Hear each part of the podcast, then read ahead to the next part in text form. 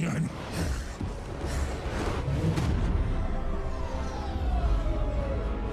Oke. Uh, Oke, okay, welcome back guys, welcome back to our channel. Kembali lagi kayak di uh, call bareng lagi bersama Mbak Mega ya, manggilnya ya. Ya, Mega. Hai. Mbak Mega ini apa founder dari uh, Crypto Babe ya? Mungkin bisa dijelaskan dulu Crypto Babe apa ya atau ya sebelum masuk ke itu tak kenal kata saya dulu lah. Maksudnya Mbak gimana masuk ke dunia kripto pertama kali itu gimana? Oke, okay, jadi tuh uh, gue pertama kali masuk kripto itu tahun 2017 yaitu di mana uh, lagi pik-piknya ya, uh, cycle 2017 jadi itu gue dengar oh ada bitcoin gitu. Terus gue iseng lah uh, download wallet terus beli. Belinya pun pakai credit card gitu. Karena kan zaman itu belum ngerti gitu exchange apa segala macam. Terus uh, kemudian dia langsung uh, turun lah kayak sebulan kemudian. Terus gue masih belum ngerti apa-apa nggak ada risetnya cuman asal beli aja. Terus uh, gue anggap bodong lah ini apaan nih bodong? Cuman kayak untungnya sih nggak gue jual jadi kayak oh ya udahlah uh, gue delete aja itu uh, app app walletnya gitu kan. Terus um, fast forward kayak akhir 2018 tuh gue pindah ke Bali dari Jakarta jadinya uh, waktu pindah ke Bali mulai ketemu orang-orang. Terus salah satunya itu uh, community crypto gitu. Jadi ada salah satu exchange crypto native di sini terus uh, foundernya orang Indonesia terus kayak ya udah gue diajak aja meet up gitu. Padahal gue nggak ngerti apa-apa kan. Ya, terus dari dari situlah kayak uh, mereka mulai ngajak uh, community itu ngajarin gue macam-macam bahwa kayak kripto itu nggak cuma trading gitu. Ada teknologi di belakangnya uh, diajarin lah decentralized app dan segala macam. Jadinya sejak itu gue mulai belajar dan uh, sejak itu gue baru mulai mendalami kripto seperti itu. Mantap. Nah, terus uh, aha momennya gimana? Maksudnya uh, Mbak, berani bilang ya crypto is here to stay, is not going anywhere. Maksudnya uh, pas kapan? Apa pas uh, 2018 itu Mas uh, apa uh, Mbak devote uh, karir Mbak di industri ini sejak kapan? Oh, uh, belum juga sih. Sebenarnya pas itu uh, gue mulai yang namanya dollar, dollar cost averaging. Karena kayak sejak itu kan gue diajarin kalau misalnya oh crypto tuh nggak cuma trading doang gitu. Uh, ya, gue mulai mendalami lah uh, ini. Terus gue dollar cost average juga nggak terlalu gede juga. Jadi kayak kalaupun itu hilang gue kayak istilahnya bodoh amat lah gitu. Jadi uh, setelah itu kan sempat crash parah banget kan 2020. Ya, nah, ya. itu tuh gue udah sebenarnya sebelum itu gue udah lumayan deep nih kayak landing di compound, terus uh, MakerDAO kayak gitu-gitu pakai collateralized debt. Nah, uh, sejak itu tuh banyak temen gue yang kayak pada nanyain gitu yang kayak oh ini apaan sih kripto gitu. Nah, baru itulah gue tercetus ide kayak gimana kalau gue ngajarin aja temen gue daripada gue ngajarin satu-satu gue bikin platform di mana kayak ya gue ngajarin orang banyak gitu. Jadi gitulah gimana gue kebentuk crypto babe dan itu uh, di mana gue kayak oh ya yeah, this is not going anywhere. Ya terus juga ya, ada komunitas juga kan di sana. Jadi uh, kalau misalnya kita nggak sendiri itu ya walaupun ya kayak bubble atau apa ya seenggaknya walaupun is not going anywhere ya kita tetap ada inilah komunitas yang saling ya. bantu gitu ya. At least ketemu teman-teman lah ya. ya di sana berarti ya di Bali ini udah kayak crypto hub kayak gitu ya, Mbak. Maksudnya kalau Mbak bener Mbak aja deh, kita kan masih nggak tahu ya di crypto di di uh, apa kayak gimana ya. Maksudnya menurut Mbak crypto hub tuh Bali tuh udah termasuk crypto hub. Maksudnya ya kayak Jakarta atau kota lain kayaknya Bali banyak yang di sana dah. Iya, iya. Kalau menurut gue sih untuk kripto, ya kalau di Indonesia ini di Bali sih pusatnya. Karena kayak uh, berbagai macam faktor sih. Kayak kalau di sini kan orang nggak terlalu yang kayak kerjanya 9 to 5 gitu. Kebanyakan digital nomad lah, terus kerjanya remote. Terus uh, lebih open aja gitu tentang ide-ide cara bikin uang gitu kan. kayak uh, mulai dari apa kayak zaman dulu tuh sempat santer yang kayak dropshipping lah, e-commerce apa segala macam dan sekarang lebih ke crypto gitu. Iya, digital nomad ya di sana ya. Nah, kalau Mbak pernah tahu dulu ini sih apa uh, kayak Willy Wu sama Ton Face tahu kan? yang OG ah, di situ. Nah, iya, ya, dia, dia tuh member member di ini di community yang aku join itu. Nah iya dia apa uh, pernah bikin show di Bali waktu itu sebelum pandemi ya 2019. Hmm. Ada uh, conference apa namanya itu uh, Financial Summit. Nah itu di Bali dia bikin. Jadi idenya ya uh, para para trader tuh pada ngumpul di Bali pas acara event itu. Cuman uh, udah nggak di Bali lagi sih, mungkin karena restriction atau kayak gimana. Jadi dia pindah ke uh, Dominic Republic apa kalau nggak salah. Jadi El ya Salvador. Gitu. Iya itulah sih ya benar sih mbak maksudnya uh, Bali mungkin untuk ke depan ya. Mungkin ya mungkin pemerintah juga belum melihat Bali itu potensial di kripto ya. Padahal di kripto uh, di Bali sendiri udah ada toko kripto di sana kan ininya uh, headquarternya? Kripto udah ada T-Hub terus Indodax juga kan dia office-nya di sini. Um, apalagi ya kayak ini ada banyak exchange exchange kayak apa ya grassroots lah istilahnya. Kayak orang bikin exchange terus nyari-nyari liquidity ya dari community aja gitu. Iya benar sih. Ya kalau ya untuk sekarang ini kan kalau exchange ya mungkin ya tinggal uh, masalah liquidity ya. Contohnya toko kripto sendiri kan pakai liquidity Binance kayak gitu ya. Soalnya diakuisisi sama Binance juga. Banyak Paling dia bisa cuman uh, DEX sih, Pak. Maksudnya uh, decentralized exchange kan.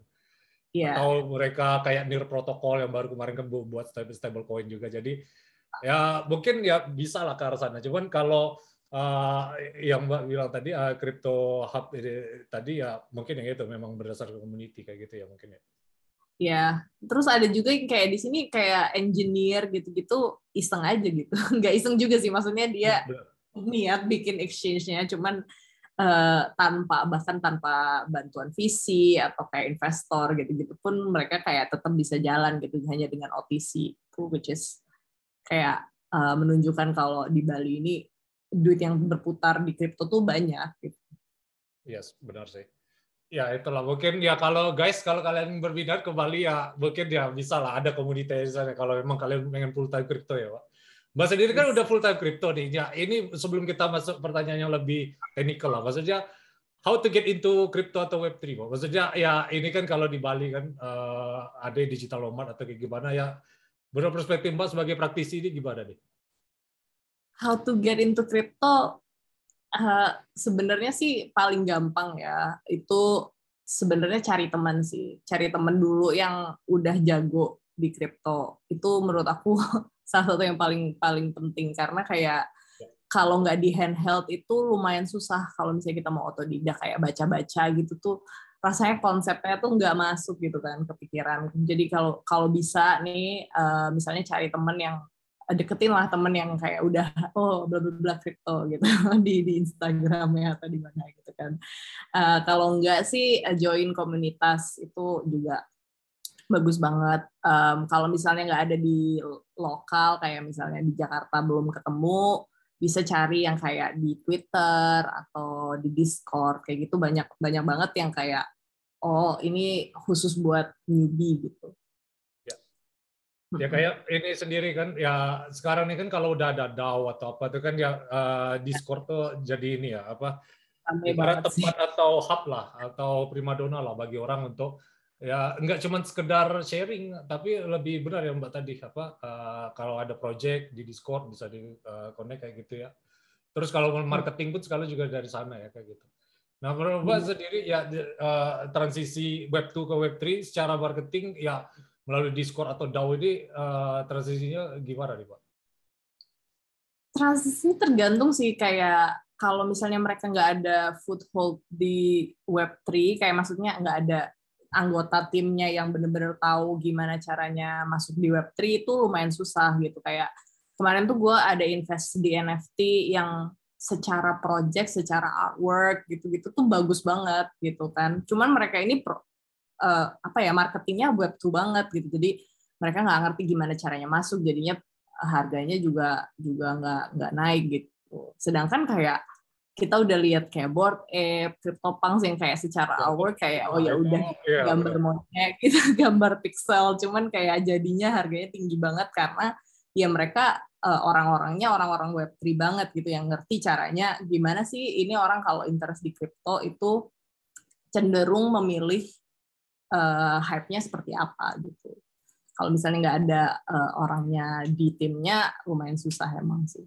Ya kalau board app tuh ya itu inilah apa blue chip lah. Jadi uh, untuk di compare agak susah juga sih. Maksudnya uh, utility-nya kan kalau kita misal nge-hold board app atau apa kan kita dapat ya utility kayak uh, eksklusif tiket lah kalau misal kita apa dapat uh, yak uh, uh, ini kan apa kalau misal kita ya ketemu sama orang di sana kita bayar pakai uh, bukan bayar sih apa uh, utility-nya pakai board board app tadi ya kayak gitu kan jadi uh, kayak ini, membership gitu. card gitu ya membership card lah kayak gitulah Ya, cuman kalau yang kayak Gozali kemarin tuh uh, ya mungkin dia ada ya project uh, apa uh, whitelist atau uh, roadmap waktu segala macam. Kalau yang kemarin tuh ya pure ini aja sih, FOMO aja sih kalau yang ya.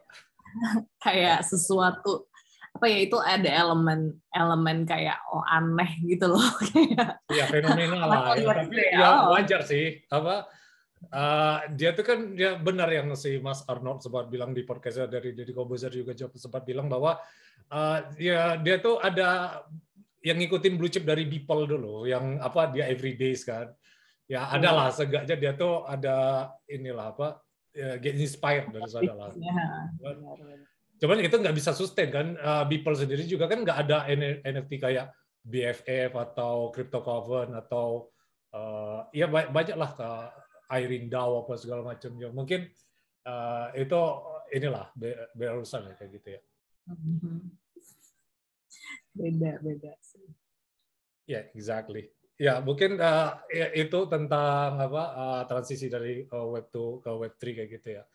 Nah, terus uh, di di sini Pak uh, ya balik lagi ke masalah NFT jadi ya mungkin banyak orang yang masih ini ya skeptis atau kayak gimana ya itu wajar lah teknologi baru kita internet awal-awal pun juga kayak gitu kan. Nah, cuman uh, untuk dijadikan portofolio NFT ini oh, ini kan apa menurut Mbak sendiri ini enggak apa uh, gimana nih kalau di dijadikan untuk properti apa untuk cuman flipping doang atau kayak gimana atau gimana? Ah itu apa ya kayak NFT ini jatuhnya kalau aku sebagai orang aku kan bukan trader ya jadi yes. kayak aku pertama masuk kripto pun uh, yang pertama aku belajar itu bahwa teknologi di belakang kripto gitu yang benar-benar ya, bagus ya, gitu kan. Jadi aku melihat teknologi di belakang NFT ini kira-kira nanti ke depannya gunanya tuh apa gitu. Ya. Dan eh, aku ngelihat kayak gunanya NFT ini bisa macam-macam banget kayak uh, bisa jadi membership card, bisa jadi kayak tiket masuk konser, apa segala macam. Dan sekarang udah mulai ada musik NFT, game aset uh, baju apa segala macam kan. Jadi uh, tinggal nunggu ininya aja sih kayak cultural shift di di orang-orang itu uh, apakah sama kayak dulu kita ngelihat social media juga ih ngapain sih gue ngepost kayak gitu ke orang yang gak gue kenal tapi sekarang literally yeah. semua orang jadi kayak yes. gitu gitu kan yeah. jadi ya itu nggak bakal terjadi dalam kayak satu dua tahun tapi kayak ke depannya uh, aku bisa melihat kayak teknologi di belakang NFT ini bagus banget dan kalau misalnya orang bisa mengambil kesempatan itu tuh bisa jadi hal yang bakal jadi bagus lah pada intinya. Ya benar. Ya setuju sih. Aku uh, culture tuh salah satu part lah kalau dalam apa movement kayak gitu ya. Uh, contohnya kayak kayak crypto culture kayak GM, Degen, ada kayak ya. Jadi itu yang bikin orang stay here to stay. Maksudnya komunitas saling ya padahal kita nggak kenal ya Mbak bilang tadi kan sosmed ngepost apa yang kita orang nggak kenal di awal kan. Kalau sekarang kan kita ngucapin good morning sama orang yang kita nggak tahu, tapi tapi ya itu orang bakal eh, support back kayak gitu. Gara-gara sesimpel hal itu sih. Tapi ya benar yang Mbak bilang tadi community salah satu uh, culture salah satu inilah yang bikin uh, masa adoption Web3 kayak gitu ya mungkin ya. Benar, benar banget ya. Nah iya, terus Mbak sendiri uh, di sini dari jadi data analis ya, kalau nggak salah ya di. Ini baru sih kayak. Uh, Apa? Iya baru kayak belum yang gimana banget. Iya iya nggak apa-apa sih. Yo, Jadi itu uh, Mbak ngelihat trennya apa kayak gimana ya gitu?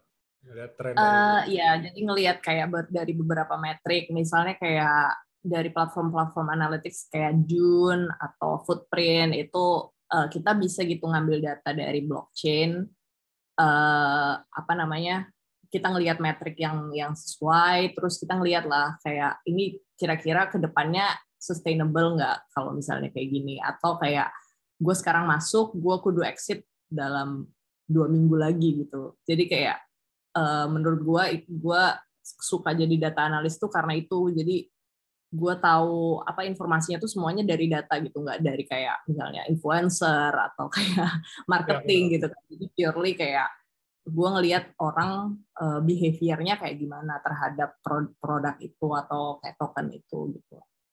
Ya, be, kalau beda data beda lagi ya, maksudnya cara analisnya. Maksudnya uh, ah sama sih kayak kalau kalau big data kan gitu. bisa macam-macam banget gitu. Salah satunya uh, data di blockchain. Nah, kalau misalnya di data analytics uh, khusus on chain ya kita ngelihat di data yang kita mau ngelihat di blockchain mana gitu misalnya Ethereum gitu kayak trading NFT ada ada sendiri gitu. Okay. Terus dilihat di smart kontraknya transaksinya kayak gimana. Ya benar sih. Ya uh, itulah kalau misal guys kalau kalian tertarik jadi ya, data analis bisa langsung reach out ke Wabega ya seperti itu ya Pak.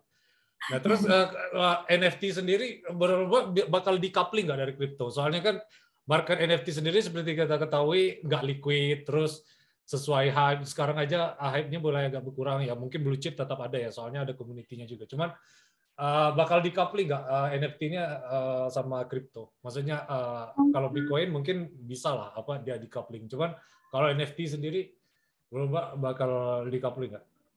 Uh, menurut aku sih bakal selalu intertwine sih kayak teknologi teknologi di belakangnya ya. Kalau misalnya PFP kan kita ada macam-macam nih NFT nggak cuma PFP doang. Kalau misalnya PFP ya. mungkin bisa decoupling dari uh, crypto atau Web3 gitu. Tapi kalau misalnya teknologinya uh, NFT sendiri karena ya itu awalnya dari blockchain juga ya menurut aku sih bakal bakal terus bareng sama crypto dan Web3 iya sebagai ya, kayak membership card atau sebagai cara. Misalnya kayak sekarang kan kita bisa nih udah udah bisa login kayak di website kayak mirror.xyz kita udah bisa login pakai wallet gitu kan. Iya wallet terus dari wallet kita udah bisa dikasih nama terus uh, bisa dikasih PFP-nya dari dari NFT gitu-gitu kan. Jadi ya. menurut aku itu bakal susah banget kalau misalnya mau decoupling seluruhnya. Paling ya kayak beberapa part ya. dari NFT uh, eh, industri aja Ya, mungkin ya untuk uh, short term mungkin ya uh, uh, belum bisa di copy. Mungkin pas long term mungkin kalau misal dia udah market ada niche marketnya tersendiri NFT mungkin bisa kayak gitu ya, Mbak. Ya. Gitu ya, itu itu nature dari teknologi sih. Jadi ya tinggal nunggu waktu aja kayak gitu. Nah, sempat Mbak nyebut ya XYZ atau uh, ya Mbak tahu INS kan? Mbak di sini juga yeah. ada INS kayak gitu ya. Yeah. Ethereum domain kayak gitu. Nah, menurut Pak di sini INS ini benar-benar soft dari Web3 itu sendiri atau enggak? Ya soalnya ya INS ini kan bentukannya sama kayak app di Twitter itu kan atau app di Instagram kayak gitu kan. Ya, username. Uh, ibarat domain kayak gitu. Jadi uh, ya banyak uh, pros and cons-nya sendiri sih. Uh, menurut Pak di sini uh, INS sendiri gimana nih uh, apa ke, ke depannya?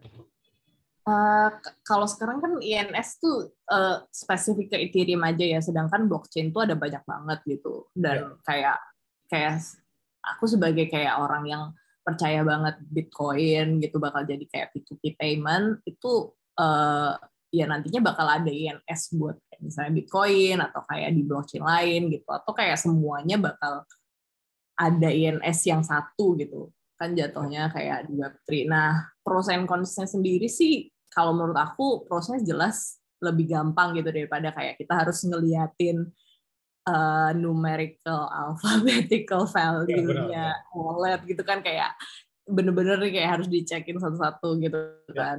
Nah, kalau misalnya udah ada INS tuh kayak oh gampang gitu kayak paling kayak kalau misalnya ada typo dikit gitu uh, bakal kelihatan gitu. Kalau misalnya dari uh, wallet address yang sebelumnya kan nggak bisa gitu bakal susah banget um, kalau misalnya cons-nya itu lebih ke security sih. Karena kayak aku udah tahu beberapa kasus di mana kayak kalau misalnya orang punya INS itu kan gampang di look up nih kayak di terscan atau kayak di apalah di blockchain segala macam uh, itu bisa dilihat gitu aset orang uh, seberapa banyak gitu. Kalau misalnya orang ngepusatin semua asetnya di di INS NIM-nya itu kan jelas orang kayak oh dia ada kayak 500 ribu dolar nih kayak lumayan empuk gitu kan Benar. jadi kayak ini udah ada beberapa kasus yang kayak orang punya INS terus uh, dia di reach out apalah kayak orang pura-pura punya project apa segala macam terus ujung-ujungnya kayak uh, kesannya kayak phishing atau kayak minta seed ya. phrase gitu kan jadi kayak bahaya banget gitu. Ya, jadi uh, saran gue kalau misalnya punya INS jangan dipusatin di satu wallet itu sih, tapi kayak pakai multiple wallet. Gitu ya. Atau kalau bisa sih ya di di ledger gitu. Ya, di diversifikasi kayak gitu ya. Ya, soalnya hmm. uh, nggak cuma ini aja sih Mbak. Uh, kalau ya namanya kayak unstoppable domains tuh pernah dengar Mbak? Hampir ya, sama ya. kayak gini juga kan? Ya, ya uh, tapi kalau domainnya udah diambil orang dulu kan, padahal kita nggak punya itu kan juga ini uh, apa? Oh, iya banget. Ya, ngerti, iya kan? banget karena karena gue gue sendiri korbannya sih jadi makanya itu... jadi bukan dia kita kan uh, tapi ya uh, I don't know lah So, mungkin ya, uh, ke depan bukan masalah uh, hanya security-nya, tapi uh, domainnya itu sendiri sih yang harus image image apalagi kalau misalnya udah udah jadi uh, kayak itu jadi identitas lo di di internet itu kayak jatuhnya kayak kalau misalnya orang minta oh ini ya bisa dikirim ke yourcryptobabe.if padahal itu bukan punya gue gitu. Ya exactly ya. Sekarang aja yang nggak nggak usah jauh-jauh yang kita kayak crypto scammer aja yang uh, kayak ngetek-ngetek tiba-tiba di Twitter aja itu uh, akunnya verified. Padahal nggak ada sama sekali urusan sama orang yang punya kan. Nggak tahu lah. Iya. Banyak deh. Ya itulah. Terus yang, yang tadi uh, gimana Pak? Sorry. Banyak deh crypto scam. Kayak hati-hati aja. Kayak aku selalu pesennya ke orang-orang yang baru masuk tuh uh, hati-hati banget gitu. Jangan asal ngeklik link jangan asal ngasih-ngasih password apa segala macam iya sih. Bakal sampai promo tweet loh ah, ada-ada aja. Aku dia bisa ini loh apa uh, di sana linknya tuh dicantumin di promo tweet itu. Terus sama ini apa uh, nggak hanya itu aja sih uh, masalah apa itu kemarin namanya. Ya kalau misal phishing di uh, email itu kan ada mm -hmm. linknya.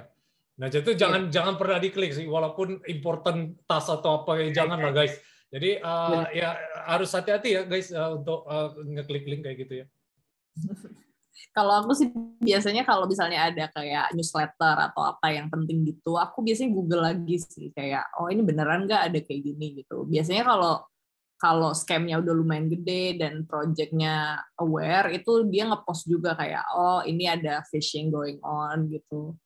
Biasanya keluar sih. Jadi itu harus terus kalau orang belum ya sorry pak. Kalau orang belum biasa sih biasanya kayak oh ada yang seru nih diklik gitu terus kayak apa ke hack apa segala macam nggak ya, bagus benar. juga sampai ya kalau aku sih biasanya pakai eh, mbak tahu incognito kan biasanya nah, kan itu. Eh, incognito nggak nggak langsung masuk ke browser gitu ya cuman kan tetap nah. risky juga sih ya kalau orang nggak uh, familiar sama itu ya jadi ya mungkin uh, ya hati-hati aja guys uh, kalau crypto scam ini masih ya namanya juga market kayak gini ya. Elon Musk aja mau beli Twitter dia pengen uh, matiin semua bot tuh gimana cara itu aku nggak ngerti. Emang ini maksud iya. Ba banyak duitnya lah dia bisa lah nyari orang buat iya, melakukan hal tersebut. Iya. dia beli mau dibikin Twitter open source juga kan? Ya Twitternya open source. Udah kayak beli nasi uduk dia bisa kontribut lah orang uh, kalau udah open source kayak gitu ya bisa ya jadi eh, kalau Mbak sendiri pernah dengar yang ada juga yang sebenarnya uh, eh, INS tapi buat Bitcoin, tahu Mbak tahu Stack nggak? Bitcoin Stack. Uh, Stacks uh -huh. Bitcoin. Itu uh, uh, dia build on top of Bitcoin juga sih. Uh, jadi kayak smart contract dari Bitcoin. Jadi dia uh, .btc ininya domainnya. Jadi uh, ada juga yang uh, mungkin Mbak bisa uh, uh, cari bentar uh, kalau Mbak punya okay. extra waktu kayak ntar, gitu. Ntar gue lihat deh. Iya, eh, tapi itu uh, enggak uh, khusus dari Bitcoin Maxi, soalnya Bitcoin Maxi nggak terlalu percaya Web3 juga kan. Jadi masih uh, ya masih website yeah. lama lah. Jadi untuk yang Mbak bilang uh, domain tuh ada satu, jadinya itu agak susah sih menurut aku. Soalnya butuh mengkonfis uh, ya Bitcoin Maxi ini juga kan, yang mana yeah. salah satu market Banyak share di kripto ini ya. terbesar di kripto ya. Benar. Kayak kayak nggak cuma Bitcoin Maxi lah, kayak semua ada maksinya gitu. Kayak Ethereum Maxi juga ya. juga idealnya kayak mereka mintanya A B C. Gue sih kayak ya udahlah. gue nggak terlalu agamis kalau ya, soal blockchain. Ya, kalau aku sih ya bukannya agak bisa tahu apa ya. Maksudnya uh, kalau misal uh, tujuannya untuk memperbanyak Bitcoin sih. Walaupun ya ada orang yang nggak pengen sentuh sama sekali altcoin ya. Aku kalau masih ada ini aku ya convert ke Bitcoin sih. Intinya untuk memperbanyak Bitcoin lah. Iya lah. jangan jangan di jangan ditolak kesempatan untuk melipat gandakan Bitcoin. Iya, soalnya udah susah sih. Ya, aku ngerti mungkin ada orang yang pengen ngeflip uh, NFT atau ngeflip Bitcoin atau kayak gimana tuh ya. Untuk yang memang Bitcoin ini uh, udah market cap-nya udah berapa kan, jadi agak susah untuk didapetin juga. Iya.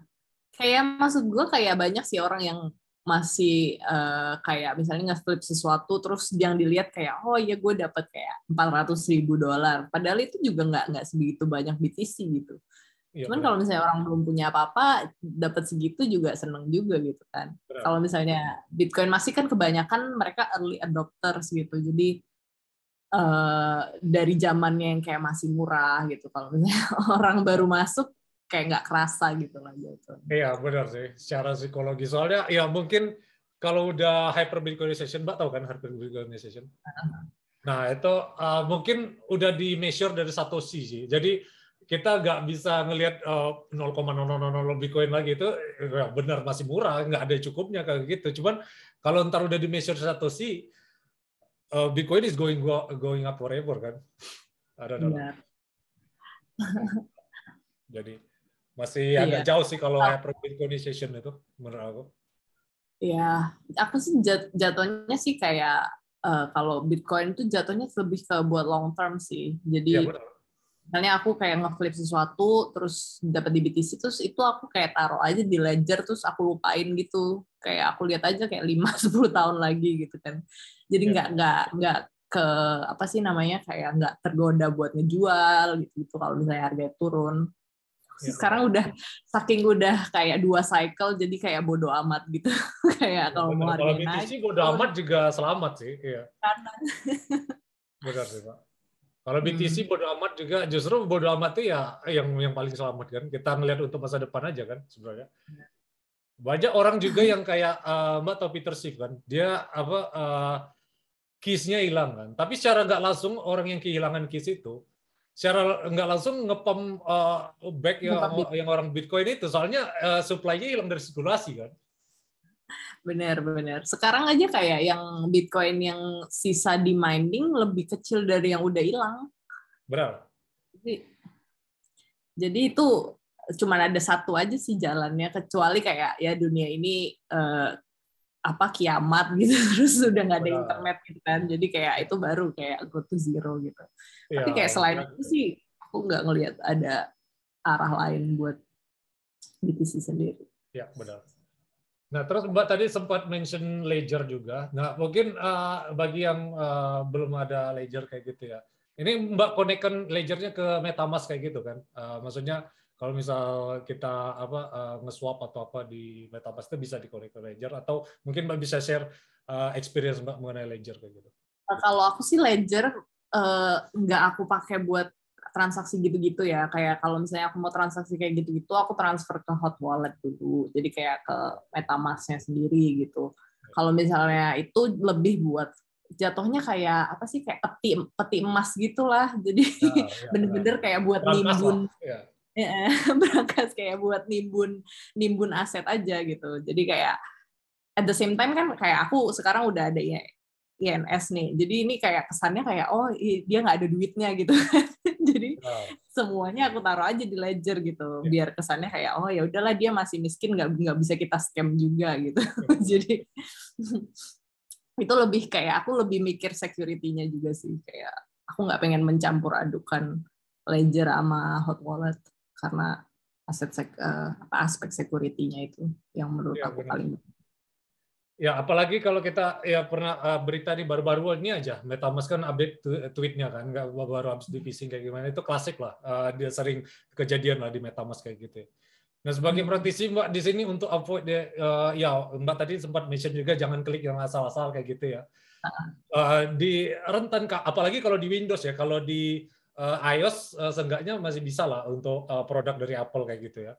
Kalau dari hmm. Windows ini kan gampang dieksploit ya, apalagi kalau kita cuman browser atau kayak gimana, walaupun punya antivirus atau gimana, tetap masih bisa exploit.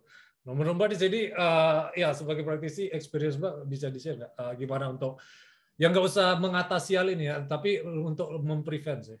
Ya, gitu. Mem meminimalisir ya, yes. kayak resikonya. Itu aku menurut aku sih pertama ya dari kita sendiri sih kayak uh, apa namanya pikirannya itu harus dengan mindset kayak kalau misalnya itu terlalu bagus kayak too good to be true itu it probably is gitu jadi jangan ya. kayak kita ngelihat kayak oh iya kalau misalnya kamu kirim kita satu Ethereum nanti kita ya. kirim balik dua Ethereum uh, gitu. Iya benar.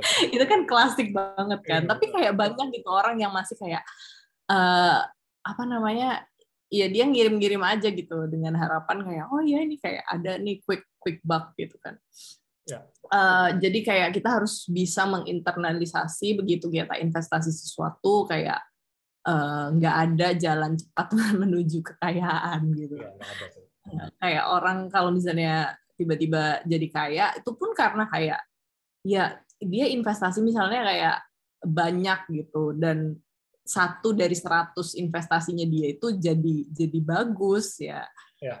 Itu nggak bisa nggak ada shortcutnya kayak menurut aku sih semua orang kayak either dia harus disiplin atau kayak ya itu kayak sebar sebar benih aja gitu kan. Ya, nah uh, kembali lagi kayak kalau misalnya kita ngelihat sesuatu yang bagus kayak yang menjanjikan uh, apa banget itu kayak ya harus diingat itu aja sih. Pertama kayak dengan ngelihat itu apakah itu terlalu bagus atau uh, termasuk reasonable atau enggak gitu sih. Ya benar sih. Apalagi hmm. ya nggak cuman uh, yang uh, one uh, apa uh, kalau misal kita dapat satu bitcoin dapat dua bitcoin kayak gitu sih. Uh, ada uh, mungkin kalau yang tren lagi rakpul ini ya, Pak. Maksudnya APY nggak wajar, APY bisa ratusan jutaan persen itu gampang. Ya menurut Pak di sini itu uh, ya nggak nggak bakal sustain kan APY kayak gini. Soalnya nggak dari uh, freelance Pak. Ya, itu kayak jatuhnya itu kan maksudnya apa ya? Kayak kalau misalnya kita ngerti ekonomi uh, itu udah ada dari zaman dulu gitu kan. Itu jatuhnya ya ya ponzi gitu.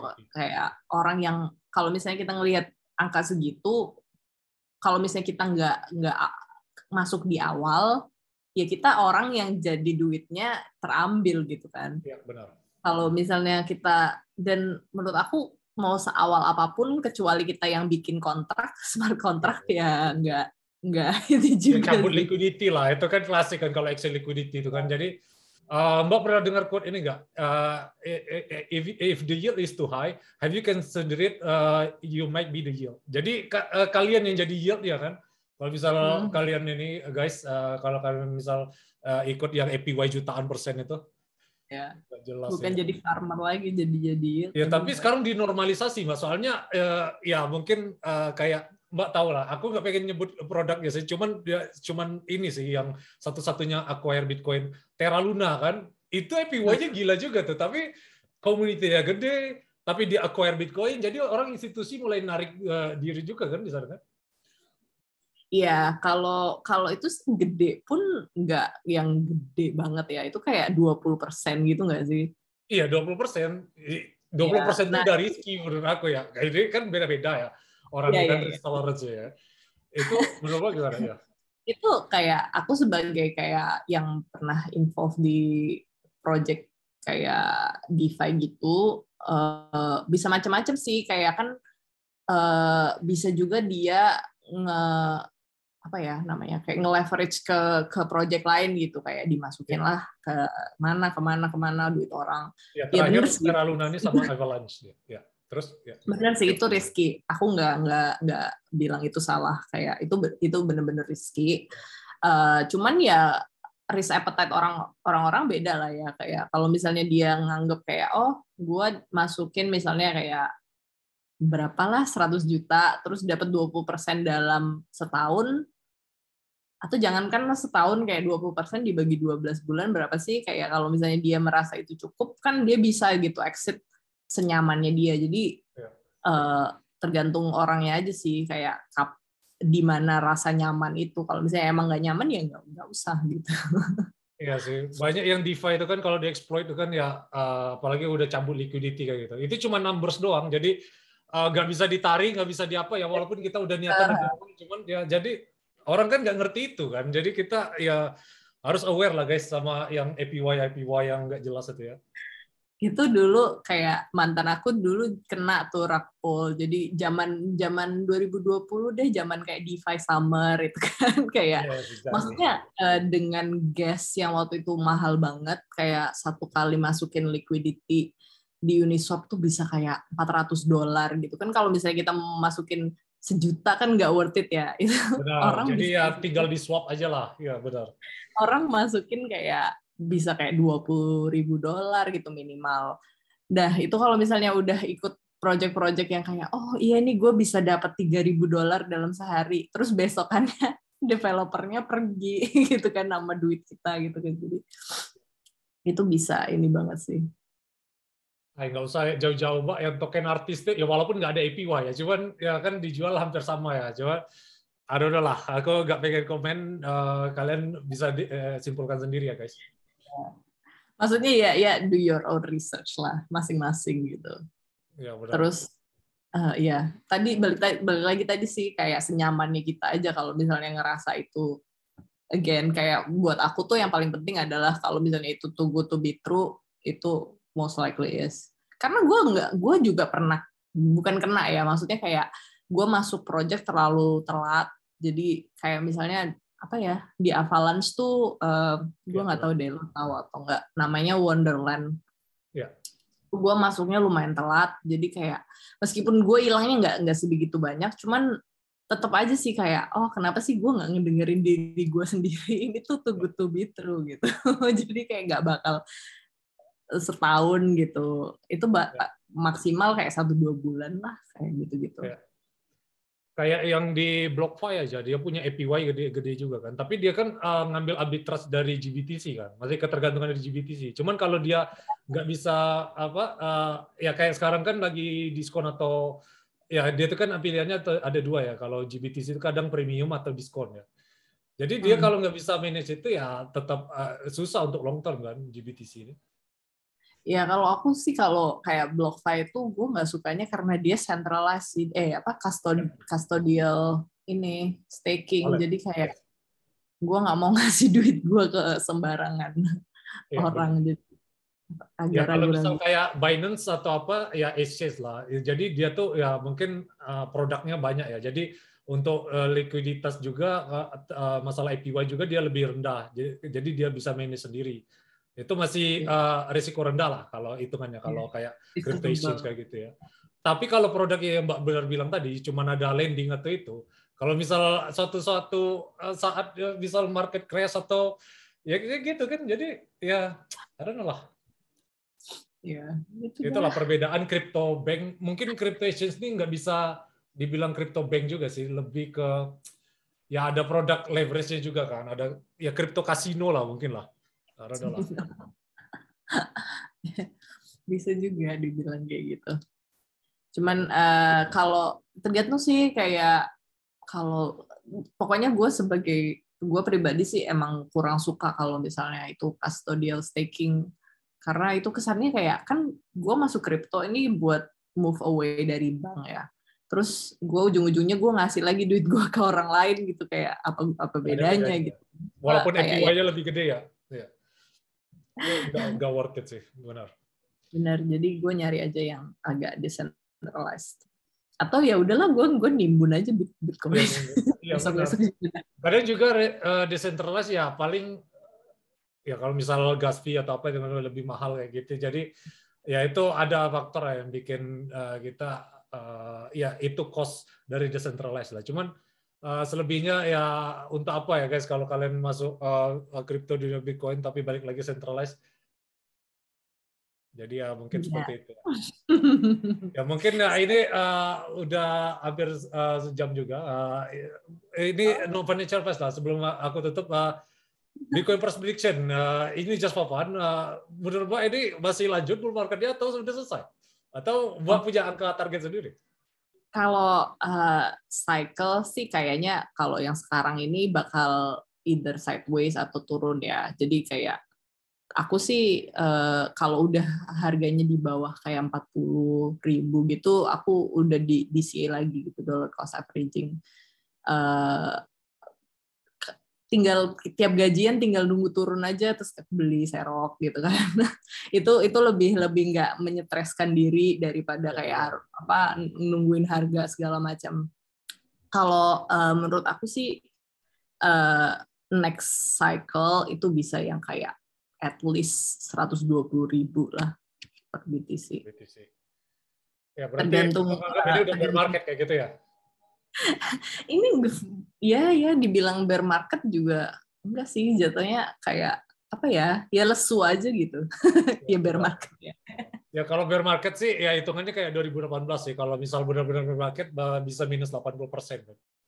Wow, ini belum sih, ini baru kayak baru 55 persen kemarin pas 33 ribu dari 55 ribu. Yeah. Cuman we never know lah, maksudnya ini just for fun aja tadi kayak gitu. Benar.